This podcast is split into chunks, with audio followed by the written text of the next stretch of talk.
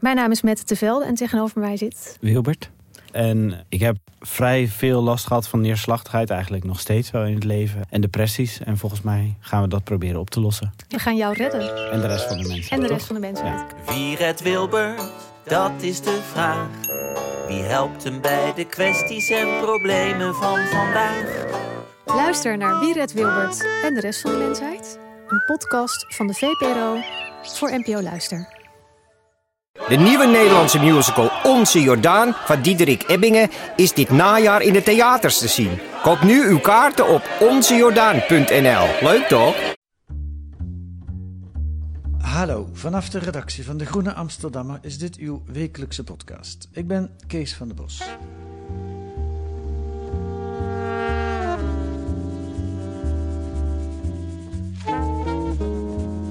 Antisemitisme neemt toe, wereldwijd.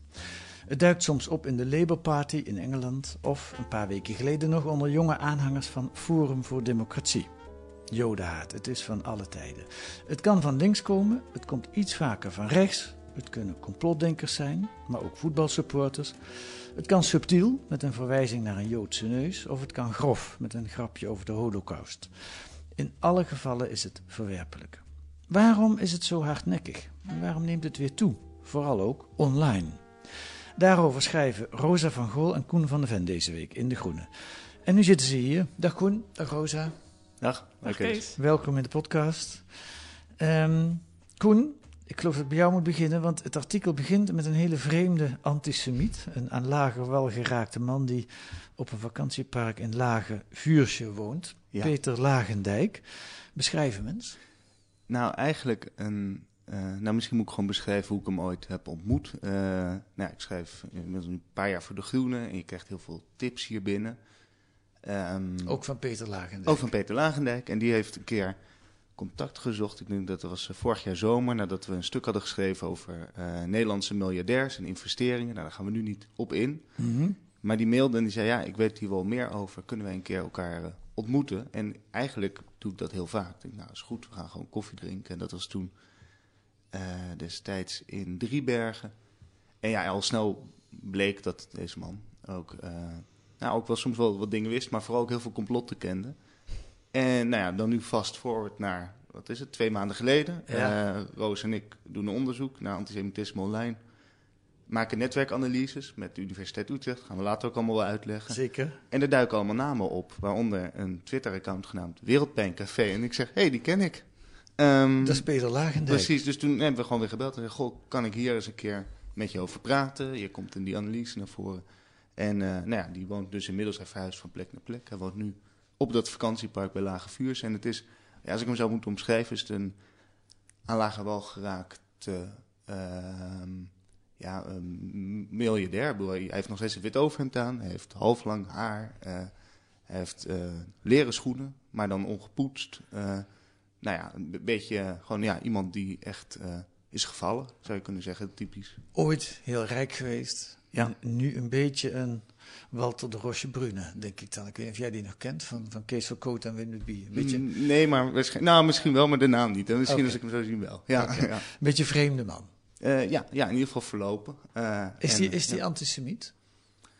Ehm, nou, in ieder geval, wat hij wat die twittert is dat zeker. En ja, dat denk ik wel. Dat moet je gewoon ook heel hard moet je dat gewoon benoemen, ja. Dat, Ja. En hij, ehm, hij is, dat is ook dus deel van die achtergrond. Die zijn we ook gaan nazoeken. Zijn mensen gaan bellen eh, in zijn voormalige netwerk en gevraagd, goh, eh, we zijn bij hem langs geweest. Eh, klopt het dat hij inderdaad zo rijk was? Klopt het dat hij in de vastgoedwereld zat? Nou, al die mensen herkenden dat verhaal wel. En, ehm, en wat jij ziet is dat in zijn val bij de vorige crisis... Ja. Is De het, eh, bankencrisis? de bankencrisis is hij eh, gewoon kopje ondergaan, zoals zoveel mensen ook in zijn netwerk. En daarin is, goed, denken wij en ook al praten met sommigen, is een, ehm, de verleiding ontstaan om, om complotten te omarmen. En daarin, en dat is heel interessant, en die vraag blijft ook heel interessant. En in die complotten komen eigenlijk steeds altijd de Joden terug als de mensen ja, die hebben samengezworen om hem eh, ja, iets te misdaan en om de samenleving schade toe te brengen. Ja. En, dat zijn, eh, en toen is dat helemaal begonnen eigenlijk. En vanaf 2016 kwam daar een Twitter-account bij. Nou, en dan is de cirkel weer rond. Want dat Ja. Twitter-account vonden we. Ja. Hij, hij, hij lijkt het voorbeeld van een klassieke complotdenker. Iemand die zelf aan lage wal is geraakt en die zijn eigen problemen probeert te verklaren door niet de schuld bij zichzelf te zoeken, maar door complotten te maken. Ja. ja, en ook wel en iets wat ook heel veel complotters, eh, complotdenkers wel delen. Ik bedoel, en dat zeker als ze zo verspreiden. Gewoon wel, bedoel, dat zijn vaak juist hele intelligente mensen. Ja. bedoel, Je moet wel het hele raamwerk optuigen, je moet er heel veel lezen, je moet heel veel tot je nemen. Waarom beginnen jullie het verhaal met hem? Omdat hij ehm, uit ons analyse, heeft een. ehm, we hebben die Twitter-analyse gemaakt, waarbij Ja. we eigenlijk zijn gaan kijken hoe wordt er over eh, Jodendom in brede zin in Nederland gesproken. Ja, komen we zo. Oké, ja, precies. maar- en maar daar goed. komen allemaal groepen uit. En er is één hele duidelijk aanwijsbare groep. En dat is de groep van de complotdenkers. En daar zit hij gewoon middenin. Dus hij is eh, met vrij veel volgers. eh, meer dan 12.000. eh, ongelooflijk veel tweets. Heel veel interactie met andere twitteraars. Dus in die zin, hij... ehm, dus in die bubbel, in die sfeer... ehm, is hij invloedrijk. Ja. En wordt hij gehoord. En Ja. dat maakt hem interessant om gewoon eens... toch bij eens iemand langs te gaan en het beeld te kantelen naar... wie zijn de mensen die het verspreiden. Ja, ja en, en het geeft het verhaal ook vlees en bloed. Hè? Je, je, je begint met een persoon. Want Ja. Verder is het best een abstracte analyse die jullie maken. En nou, Peter Lagendijk geeft dat een gezicht. Er Ja. Ja, ja zeker. Ja, ja.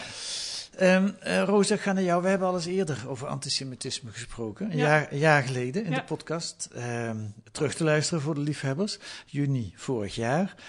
Ik herinnerde me toen dat we constateerden dat eh, antisemitisme van links en van rechts komt. Ja. Eh, hoe verklaar je dat?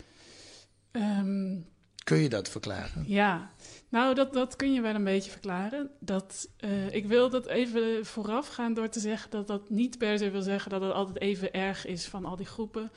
Eh, sommige groepen komen veel meer naar voren. In onze Twitter-analyse is rechts veel prominenter naar voren gekomen dan links. Ehm, dat heeft er waarschijnlijk mee te maken dat ze sowieso veel actiever zijn op Twitter. Het komt vaker van rechts. Nou, in ieder geval in onze Twitter-analyse. Het zou kunnen dat het op andere media anders ligt. Ja, Ehm, en hoe dat komt, dat heeft er waarschijnlijk mee te maken dat eigenlijk van oudsher eh Joden al een soort, een soort buitenstaanders geweest zijn. Dat, dat gaat natuurlijk terug op het, eh, het christendom. Hè. Joden hebben Jezus vermoord en de Christusmoordenaars. Nou, dat is een heel oud stereotype. In de middeleeuwen is daar van alles bijgekomen. Maar als je naar het moderne antisemitisme kijkt, dan moet je eigenlijk naar de 19e eeuw kijken naar de opkomst van de nazistaat. Ehm, en daarin eh, waren Joden eigenlijk een, eh, een wezensvreemd element. Ehm, we hadden En- geen staat. nee, die hadden geen, hadden geen staat, maar die waren ook. Er kwam een racistisch antisemitisme. Die hoorden niet thuis in die nazistaat. Die waren een vreemd lichaam als het ware.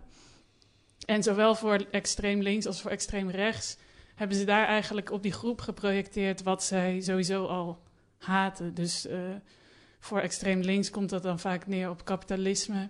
Ehm, kapitalisme en in een later stadium ook juist nationalisme toen de Joden hun eigen staat gingen maken, hè, Mhm. eh, Israël. En voor rechts is vaak het punt van kritiek juist precies het omgekeerde, namelijk dat de Joden communisten zijn en dat ze cosmopolieten zijn, dus dat Ja. ze overal zijn. Ze zijn een soort ideale zondebok. Ja, het is gewoon een canvas waar je dat Ja. op kan plakken. Eh, Ja. Je kritiek. En inderdaad, nou, wat Rosa mij zo goed zegt, ja, omdat ze altijd, ja, het- is altijd een minderheidsgroep geweest. Ja, Ja. minderheidsgroep. Ja. Oké, de ideale zondebok. En eh, iets anders wat er aan de hand is. Het was vorig jaar in het artikel van, van jou eh, en- en Margreet Vochteler ook al aan de hand. Eh, maar dit jaar ook weer. Het stijgt. De aantal incidenten, antisemitische incidenten, Ja. stijgen. Hoe komt dat? Ja, dat is een hele goede vraag. Ehm, het, is heel moeilijk om antisemitisme te registreren. En dat heeft ermee te maken dat, eh, dat er een definitieprobleem is. Wat de een antisemitische opmerking vindt, vindt de ander misschien niet. Heeft er ook mee te maken dat als er meer aandacht voor een fenomeen is, mensen misschien geneigd zijn sneller te rapporteren. Dus die toename, dat is ook op zichzelf alweer een, een, een best wel een eh, politiek, soms controversieel punt, is die toename er. Maar wij hebben gekeken naar alle instanties, ook internationaal, die dat registreren. Sommige al sinds de jaren tachtig. En die zeggen toch allemaal wel van ja, de laatste jaren is er echt wat aan de hand. Ja, En wat daarbij heel belangrijk is, eh, denken wij, is ook de opkomst van het internet. ja, Eh, waar je natuurlijk in het algemeen ziet dat de taboe-opmerkingen die mensen misschien vroeger aan de keukentafel in de kroeg maakten, dat die opeens zwart op wit eh, verschijnen, gedeeld worden. Dus eh, ja, dat geldt zeker ook voor antisemitisme. ja. Ja, ja internet heeft een soort, is ook een, heeft een soort riool opengezet. Hè, waardoor Ja. dingen die vroeger mensen in beslotenheid riepen, nu eh, daardoor iets normaler lijken. te Precies. En dingen ja. ook gearchiveerd, hè? Dingen Ja. staan zwart op wit. Dus Ja. vroeger... ehm bedoel, je ziet nu al die jongere groepen waar heel veel eh, rare plaatjes in rondgaan. Ik had het er van de week met iemand over. Dacht, Ja, volgens mij hadden wij vroeger op de middelbare school ook iemand in de klas die tijdens de les Duits wel eens een Hitler-imitatie deed. Dat was toen ook waarschijnlijk al smakeloos, maar ergens onschuldig. Maar nou, dat is dus een hele discussie. Maar nu gebeurt dat online. Is het zichtbaar? Kan het uitvergroot worden en samensmelten met heel andere groepen? Nou ja, en, eh, ook- en wat jij inderdaad noemt, er, er treedt een soort normalisering Ja, op. Dus dat precies, is ook ja. wat experts zeggen. Eh, maar ook gewoon wat veel mensen eh, zelf ervaren die eh, van een andere generatie zijn dan wij. Wij zijn in de twintig, maar mensen die ouder zijn die zeggen... ja, ik heb wel gezien dat dat taboe is afgenomen Ja. in de loop der jaren. Het blijft altijd zo, we proberen iets te duiden zonder dat je het precies weet. Hè. Je ziet alleen maar die toename en dan kun je er theorieën op loslaten, maar je weet het niet precies waar Nee. het door komt. Precies. Ja, het enige wat wij kunnen doen is kijken hoe het zich manifesteert. Nou. En, en waar het, ja, hoe het zich uit. Nou, dat hebben jullie gedaan. Ehm, met eh, eh, wetenschappers van de Utrechtse Universiteit, de Utrecht Data School. Ja. Ehm, probeer eens uit te leggen aan mij wat jullie gedaan hebben. Wat we hebben gedaan is, we hebben een heel jaar Twitter genomen, het jaar 2019. Ja. En- Ze kijkt alleen naar Twitter deze Ja, keer. Oké. Zeker, ja. En waarbij je altijd de aantekening moet maken, Twitter is niet de samenleving. Niet heel Nederland zit op Twitter. Het is geen exacte spiegel, maar het is wel een soort online café met bovengemiddeld veel politiek geïnteresseerden, met veel politiek debat, waar journalisten, politie aanwezig zijn. Nou goed, Ja. Met die aantekening, we hebben daar gekeken naar één jaar, Ja. 2019.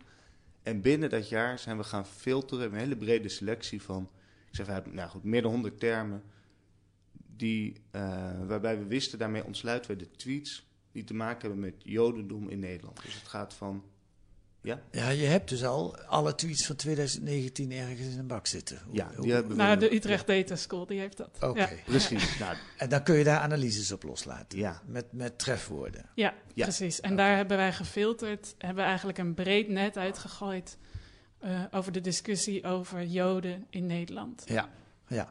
Oké, en dan komen er een aantal plaatjes uit, eh, maar die kunnen we aan de podcastluisteraars niet laten zien. Nee. Probeer eens, wat zijn de conclusies van jullie onderzoek?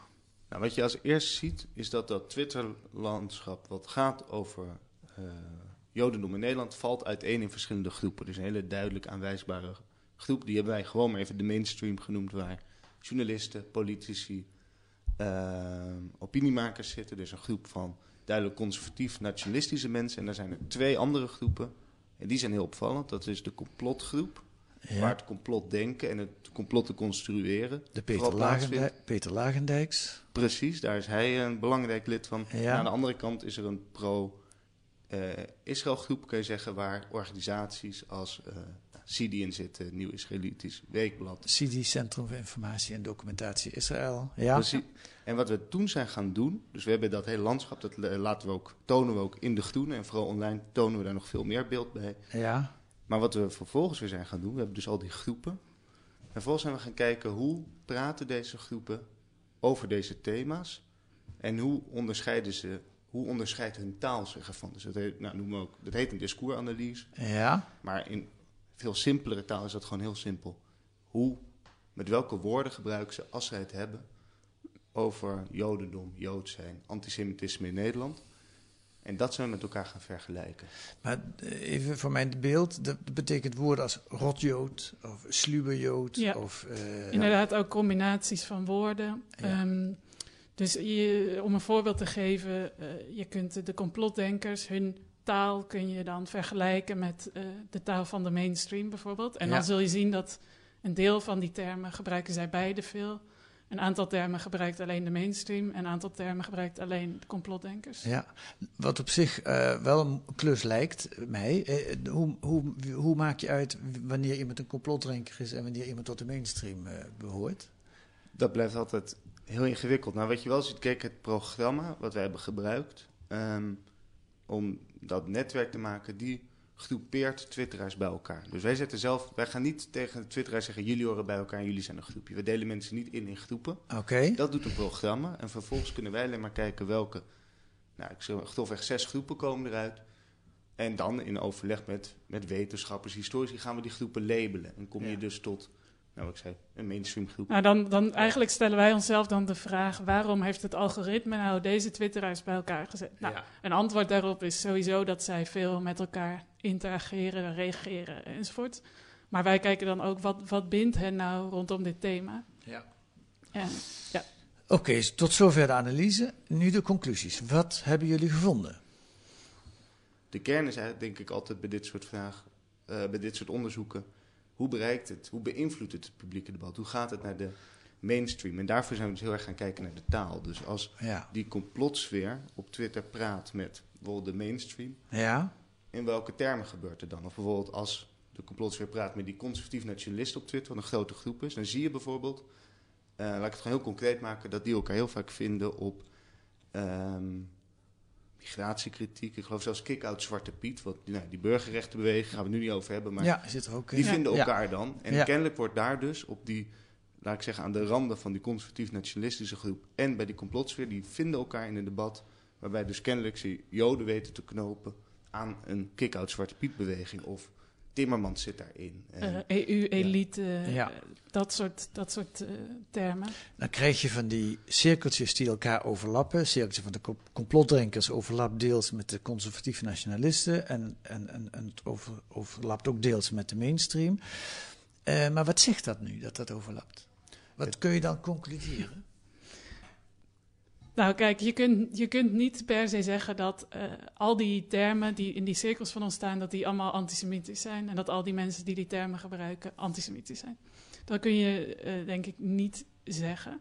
Wat je wel kunt zeggen is dat ze een gedeelde taal hebben waarin ze over Joden en over antisemitisme praten. En dat ze daarin, eh, kijk, dit is natuurlijk een soort kwantitatieve analyse die je hebt. Maar als je daar kwalitatiever naar gaat kijken, Ja, dan ga je eigenlijk op het punt waar die cirkeltjes elkaar overlappen, ga je een soort heel schemagebied zien van opmerkingen.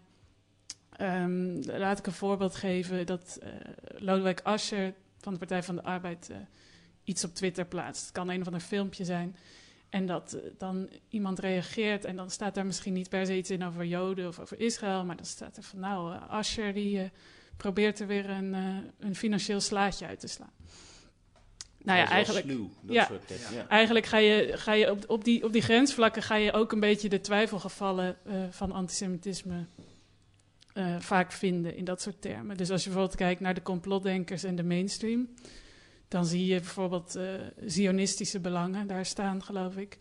Dat is dan typisch ook zo'n term die je heel neutraal zou kunnen bezigen, maar die ook vaak toch wel meer in een nou ja, heel negatieve of complotachtige context voorkomt. En, en wat betekent het dat je door die cirkels die elkaar overlappen kunt zien waar de twee sferen elkaar raken, Ja, waar ze contact precies, met elkaar ja. hebben?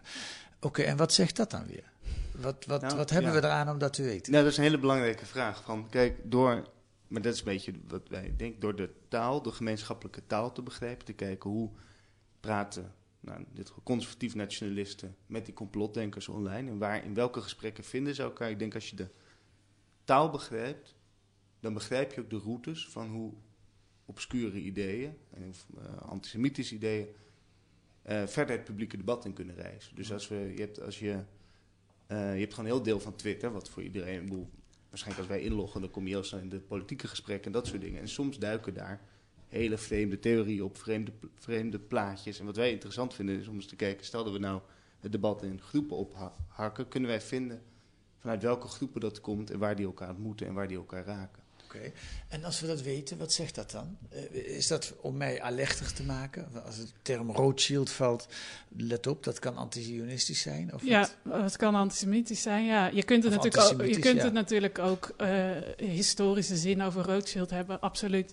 Maar ik Ja. denk dat dat wat jij zegt heel belangrijk is, dat je ehm, nou ja, de historicus Bart Wallet, die ik voor dit artikel heb gesproken, die legt dat uit als een, een cultureel archief. En dat is eigenlijk een term die hij ook leent uh, van uh, Gloria Wekker, die daar mee bezig is als het gaat om koloniaal verleden. Maar hij zegt, we hebben eigenlijk ook zo'n archief als het gaat om anti-Joodse stereotypen. Uh, de rijke Jood met de grote neus. Sluw. Iedereen kent ze. Ja. Je weet niet precies waarom, want je hebt niet op school geleerd of zo, maar je kent ze wel.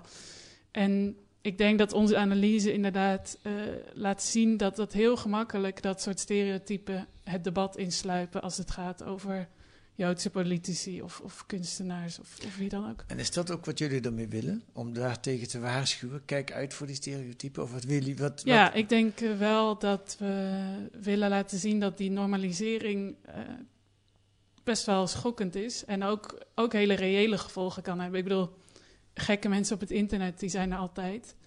Maar als je bijvoorbeeld gaat kijken naar Amerika of naar Duitsland, dan heb je echt de afgelopen jaren een aantal antisemitisch gemotiveerde aanslagen gezien, op synagogen ook.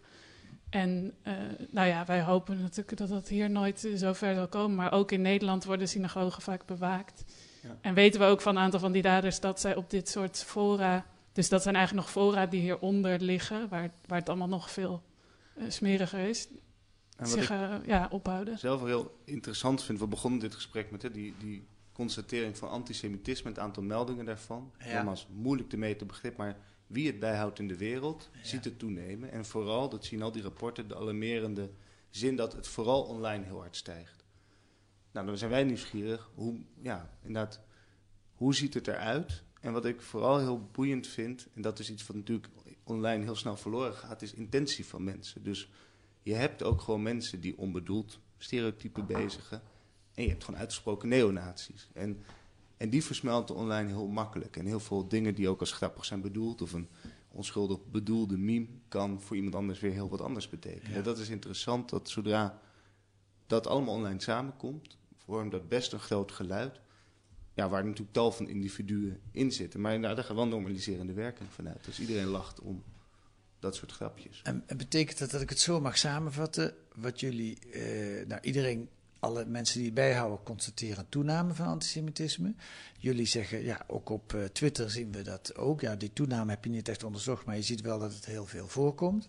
En je ziet dat het sluipenderwijs normaliseert. Is Ja. dat eigenlijk de, Ja. de hoofdconclusie? Ja, en dan wat daarbij ook belangrijk is, is eh, mainstreaming. Dus Koen noemde dat al even. Hè? Die gekke mensen, die heb je altijd. ja. Maar op het moment dat eh, grote media met een groot bereik of politici met een groot bereik eh, dat soort terminologie of theorieën gaan overnemen, dan, nou ja, dan is dat is echt wel een grote stap in normalisering. Misschien het grootste, of tenminste recente voorbeeld wat bij mij opkomt van normalisering is, een, uh, is zo'n NOS-bericht van, ik zeg het uit mijn hoofd, najaar 2018. Dat was een stuk over, um, Soros. over George Soros, George ja. Soros, nou, de Amerikaanse, Hongaarse filantroop en, en de tentakels. En daar zaten allemaal beeldspraak in. De Joodse... De eh, Jood man. Soros Ja, begonnen ja. het, geloof ik. En zijn Ja. tentakels overal heeft hij die. Daar heeft de NOS heeft dat schielijk teruggetrokken naar de kritiek. Zeker, tuurlijk. Ja. Maar Ja, dus dat is, dat is ook belangrijk. Dat wil ik nog even wel gezegd hebben. Dat, ehm, we hebben ook Amerikaans onderzoek gebruikt, eh, gelezen.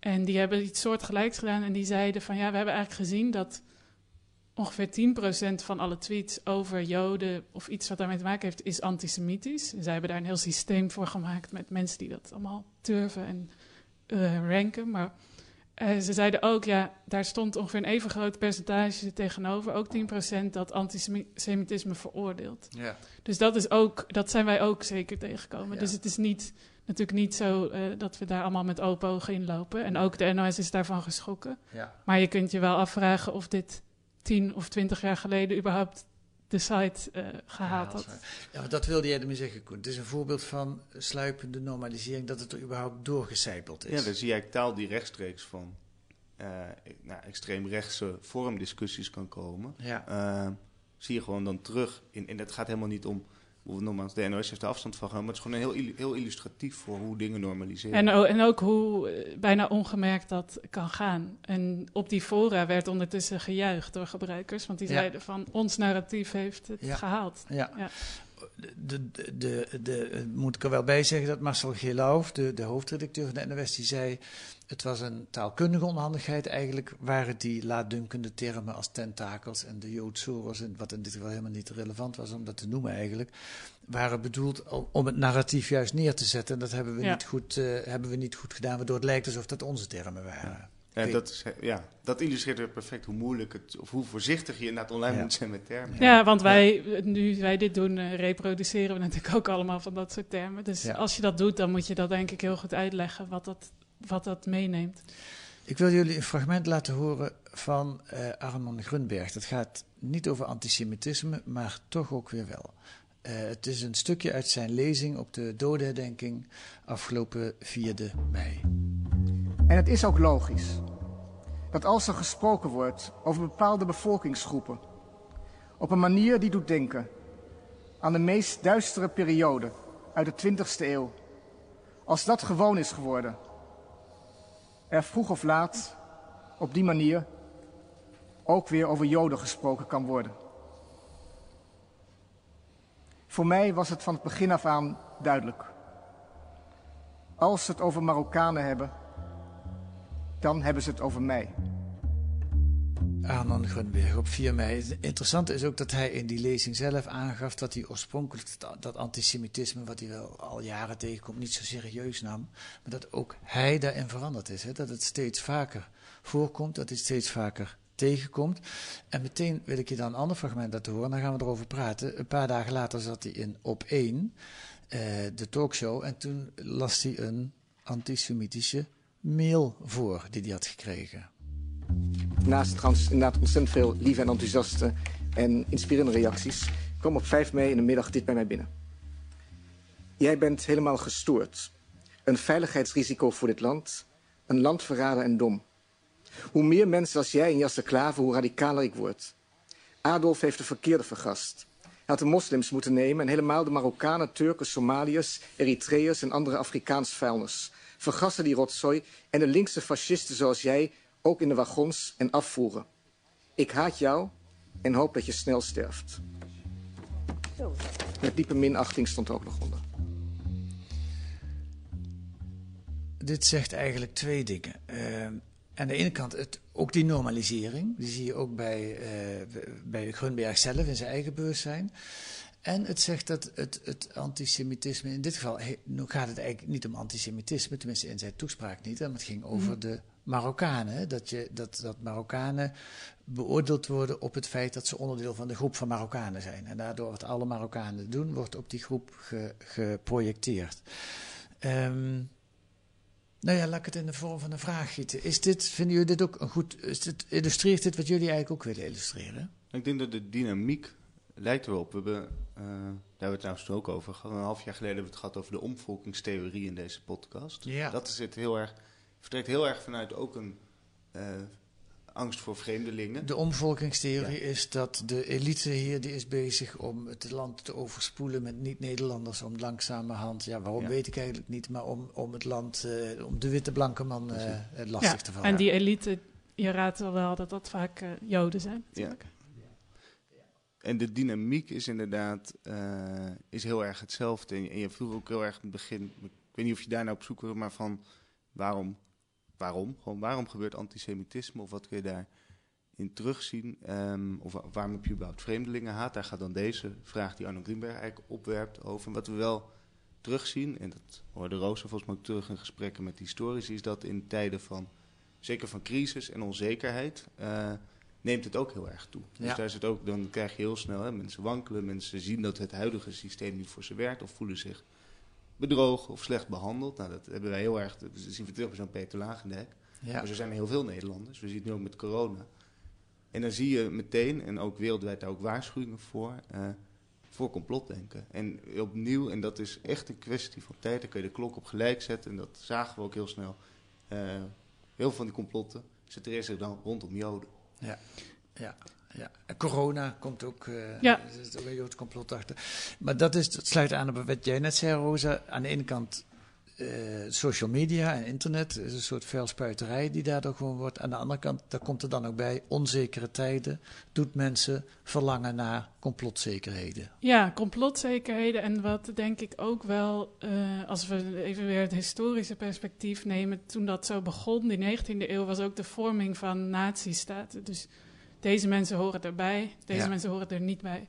Ja. Nou, nu hebben we natuurlijk ook best wel een heel nationalistisch sentiment in Europa, in Amerika. Hè? En dan zie je eigenlijk dat ehm, de immigranten, de mensen met een migratieachtergrond, te worden eigenlijk daar het eerste doelwit van. Die horen er niet bij. En de Joden hebben inmiddels een beetje een andere positie door alles wat er in de tussentijd eh, gebeurd is. Maar die zitten dan wel weer vaak in dat soort complotten daarachter. Dus die zijn ook nog steeds, ja, toch niet helemaal eh, te vertrouwen. Toch ook een beetje nog vreemd. Ja. Het is geen prettige wereld om naar te kijken, maar wel belangrijk, denk ik, om, om naar te kijken. Tot slot, ik geloof dat ik bij jou moet zijn, Koen. Jullie hebben nog een, eh, iemand geportretteerd in jullie artikel. Een Zaanse puber. Die was 17, nu is die 27, van 10 jaar geleden. En toen hij 17 was, nou ja, vertel jij maar, wat heeft hij uitgespookt? Ja, nou ja, die, die, ehm, die zat toen... eh, Middelbare school, Ja, hè? precies. Ja, die zat toen ook net op, net op Twitter. En, eh, en las een hoop over het Israël-Palestina-conflict. En werd daar zo boos van. Hij identificeerde zich toen heel erg met de Palestijnen. En de, wat hij zelf noemde de underdog in dat conflict. En is toen in woede eh, gaan twitteren. En ehm, ik moet zeggen, ik heb het niet helemaal paraat, maar we gaan het zo horen. En dat was zo agressief dat eh, het CIDI besloot om aangifte te doen. En Ja. daarmee is hij... Nou, laat ik dat alvast maar heel kort op vooruit, vooruitlopen. Dat werd succesvol, hij is vervolgd. En daarmee werd hij de eerste Nederlander die voor zijn tweets is vervolgd. Ja, ja, we gaan het niet horen, want ik heb, ik heb er geen fragment van, maar ik heb het wel hier voor mijn neus. Ja. Hij twitterde ziek heil en dat Joodse volk moet tot op de laatste man vergast worden. Waar ik benieuwd naar ben, is hoe die nu daarnaar kijkt. Je hebt hem gesproken. Ja, nou dat is wel interessant. Eh, allereerst, en dat vond ik er heel boeiend aan. eh, ja, dat was, eh, was niet handig en had ik niet moeten doen. En nou, oké, dat, dat is helder. Maar tegelijkertijd, en dat vond ik heel boeiend, is ondanks dat hij zegt, ja, dat, dat, had ik gewoon, dat, dat moet je gewoon niet doen. Zat er, eh, zit hij nog steeds op, eh op 4chan. eh, Wat een heel rechtse site is. ja, en in WhatsApp-groepen waar heel veel antisemitische memes, cartoons langskomen. En het interessante is, en daar hebben we het toen vooral over gehad, van ja, eigenlijk gewoon weer hele simpele waarom. En Ja. wat hij zegt, ja, nou eigenlijk is het voor mij inmiddels gewoon humor. Het is heel leuk om, vindt hij dan, hè, om met eh, grenzen te spelen. Hè. Het is ook, hij zei ook heel duidelijk, ja, antisemitisme mag natuurlijk niet. Des te spannender om daarmee te spelen met humor. Maar, en dat vond ik ehm, heel boeiend, tegelijkertijd zegt hij ook, ja, ik zei, ja, vind je het niet gevaarlijk? Want je weet, eh, nou goed, en eigenlijk vond hij dat zelf ook wel. Want hij zei, ja, kijk, ik zit op een aantal fora waarvan je kan zeggen, ehm, voor mij is het humor, voor mij is een grap. Maar voor de een is dit een echt werkelijk complot. Dus het gaat heel veel over plaatjes van mannen met haakneuzen die achter elk, alles wat misgaat in de wereld zitten. En hij lacht daarom. Hij vindt dat een interesse. Ja, hij vindt dat humorvol. Zoals kennelijk heel veel jongeren op dit moment. Dat Stout. blijkt. Het is gewoon stout. Dat Nou is ja, het. dat het is, een soort jongetjesgedrag wat samensmelt met Ja. ja, een soort online nazisme. En dat Ja. is, maar ja, als, als wij gewoon inloggen op dat forum, ja, wij kunnen het verschil niet zien tussen die verschillende Nee. grappenmakers, zeg ik hem even zo bij. Ja. Goed, dankjewel Koen van der Ven en Rosa van Gool voor dit inkijkje. Deze week te lezen in De Groene.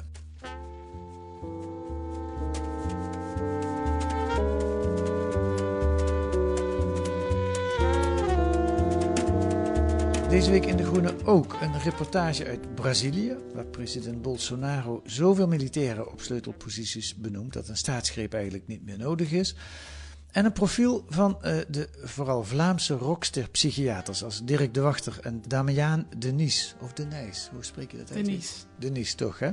Waarom proberen juist deze zielzorgers onze maatschappij te duiden? Dat kunt u lezen in De Groene. Met een abonnement of een proefabonnement ga dan naar groene.nl en dan leest u hoe u voor drie maanden De Groene kunt krijgen voor 30 euro. Ga naar groene.nl. U kunt reageren op deze podcast via de mail. Stuur dan een mailtje naar podcast.groene.nl. U kunt ons ook sterren geven in uw podcast-app of een korte recensie. Uh, met kritiek of met complimenten, daar worden wij weer blij van. Volgende week zijn we er weer met analyses en achtergronden bij het nieuws in deze podcast van de Groene Amsterdammer. Die deze week werd gemaakt door Daan Stoop en Kees van der Bos. En de muziek is A Tune for N van Paul van Kemenade.